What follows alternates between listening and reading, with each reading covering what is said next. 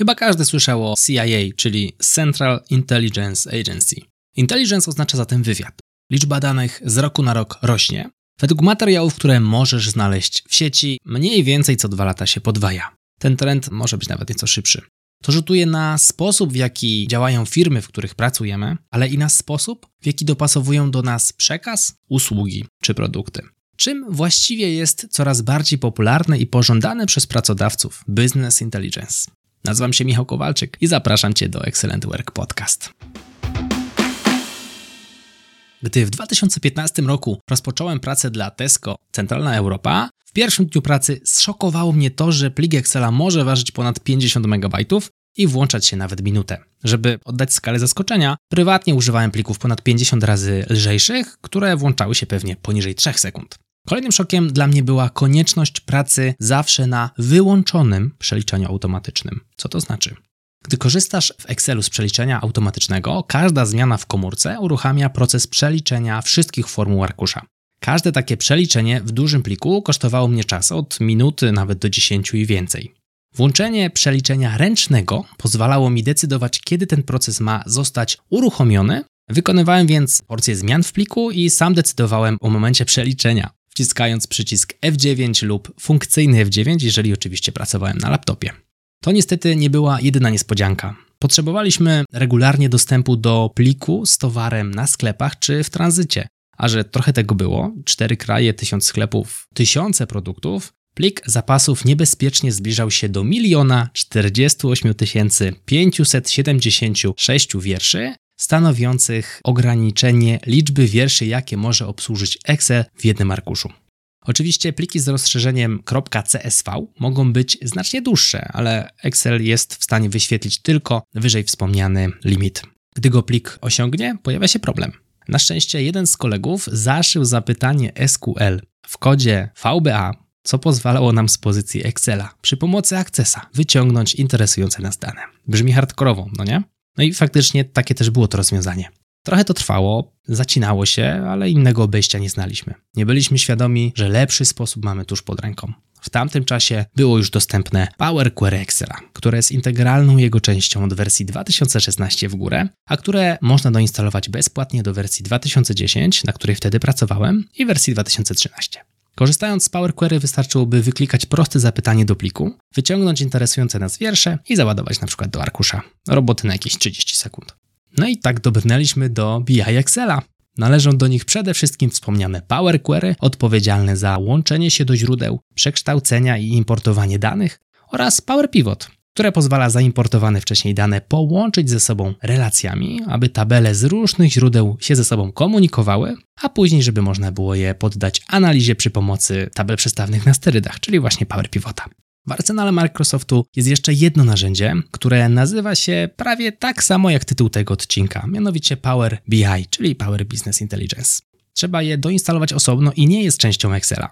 Narzędzie to jednak bazuje na Power Query i Power Pivot do tego stopnia, że analizy można kopiować pomiędzy Excelem i Power BI. Najważniejszą różnicą jest możliwość zaawansowanej wizualizacji danych, którą ma to doinstalowane narzędzie. Wróćmy jednak do samej definicji wyrażenia BI. Za źródłem, które pewnie większości przychodzi do głowy jako pierwsze, czyli Wikipedią. Business Intelligence to element spajający różne komponenty infrastruktury, wspomagania decyzji i dostarczający kompleksowych informacji decydentom. Przekładając to z naukowego na nasze, BI to łącznik, który pozwala pogadać ze sobą danym z różnych źródeł, zakładając kompleksowość tych źródeł. Końcowy rezultat pozwala znacznie ułatwić podejmowanie decyzji odpowiednim osobom. Wygląda więc na to, że ideą stojącą za BI jest posiadanie jednego narzędzia, w którym mamy wszystkie potrzebne do podjęcia decyzji dane. Jeśli masz zatem do wyboru podjęcie decyzji na podstawie wydaje mi się, a sensownych liczb, druga decyzja będzie mieć większe szanse na bycie lepszą. Tutaj podam Ci przykład z mojego podwórka.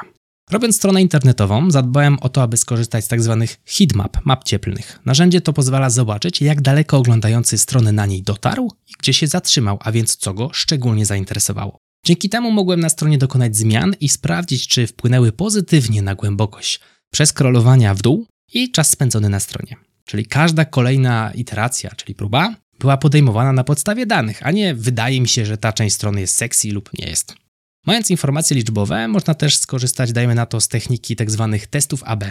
I tutaj kolejny przykład z mojego podwórka. Tworząc treści dla Ciebie, używam płatnych reklam, aby dotrzeć do jak największej liczby zainteresowanych osób. Na reklamy składa się kilka elementów: grafika, tekst, zawołanie do działania. Wrzucając w świat dwie wersje tej samej reklamy, różniące się na przykład grafiką, jestem w stanie sprawdzić, która z nich osiąga lepsze rezultaty, takie, które są bliżej moich celów. Brzmi to wszystko świetnie. Teraz pytanie, czy zwykły śmiertelnik może korzystać z narzędzi Business Intelligence w swojej pracy? No i technicznie jak najbardziej. Najprawdopodobniej wszystko masz już w swoim Excelu. Obsługa Power Query, Power Pivot czy BI jest bardzo pożądaną na rynku pracy, szczególnie wśród stanowisk związanych z szeroko pojętą analizą danych. Na stronie www.raporty.pro znajdziesz szczegóły, jak nauczyć się tego krok po kroku, ale nie o tym dzisiaj. Narzędzia Power dają przede wszystkim oszczędność czasu. Pamiętasz sposób pracy z początku tego odcinka? Mając Power Query i Power Pivot, temat otwierania plików czy przeliczania przez kilka minut w ogóle nie miałby miejsca. Narzędzia Power wpinają się w plik, nie dotykając źródła. I teraz wyobraź sobie taką sytuację, gdzie na dysku sieciowym w firmie macie trzy pliki: klienci, produkty i zamówienia.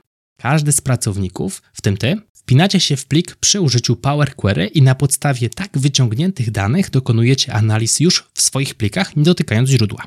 Gdy wychodzi aktualizacja nowej wersji źródła, klikacie sobie odśwież w swoich plikach i nowe dane trafiają do wszystkich waszych raportów, w których zostały użyte. No i teraz koniec z plikami o nazwach raport 05, V2, V3, finał ostateczny. Koniec z przerzucaniem się na mailu plikami, zastanawiając się, czy to na pewno jest najnowsza wersja źródła. Koniec z czekaniem kilka minut, aż się plik przeliczy. Koniec z kopiowaniem kursów walut ze strony Narodowego Banku Polskiego, czy w ogóle danych ze stron www, bo przy użyciu Power Query możesz się wpinać bezpośrednio w stronę internetową.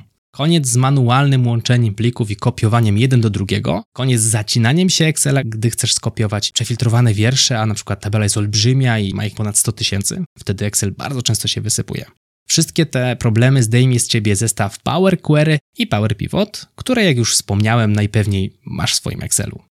Nasuwa się zatem pytanie, ok, gdzie jest haczyk? Haczyk jest taki sam jak przy pracy z formułami, czyli zawsze się upewni, że Twoje analizy nie stoją okoniem względem zasad statystyki i matematyki i że nie ma w nich błędu. Jeżeli raz popełnisz błąd, potem będziesz tylko odświeżał swoją analizę, zawsze mając ją tak samo dobrze zrobioną. Jeżeli chcesz nauczyć się pracy z BI Excela i Power BI, odwiedź stronę www.raporty.pro. A jeżeli podobał Ci się ten odcinek, prześlij go proszę jednej osobie. Do zobaczenia i do usłyszenia w kolejnym odcinku. Mówił dla Ciebie Michał Kowalczyk. Trzymaj się, hej!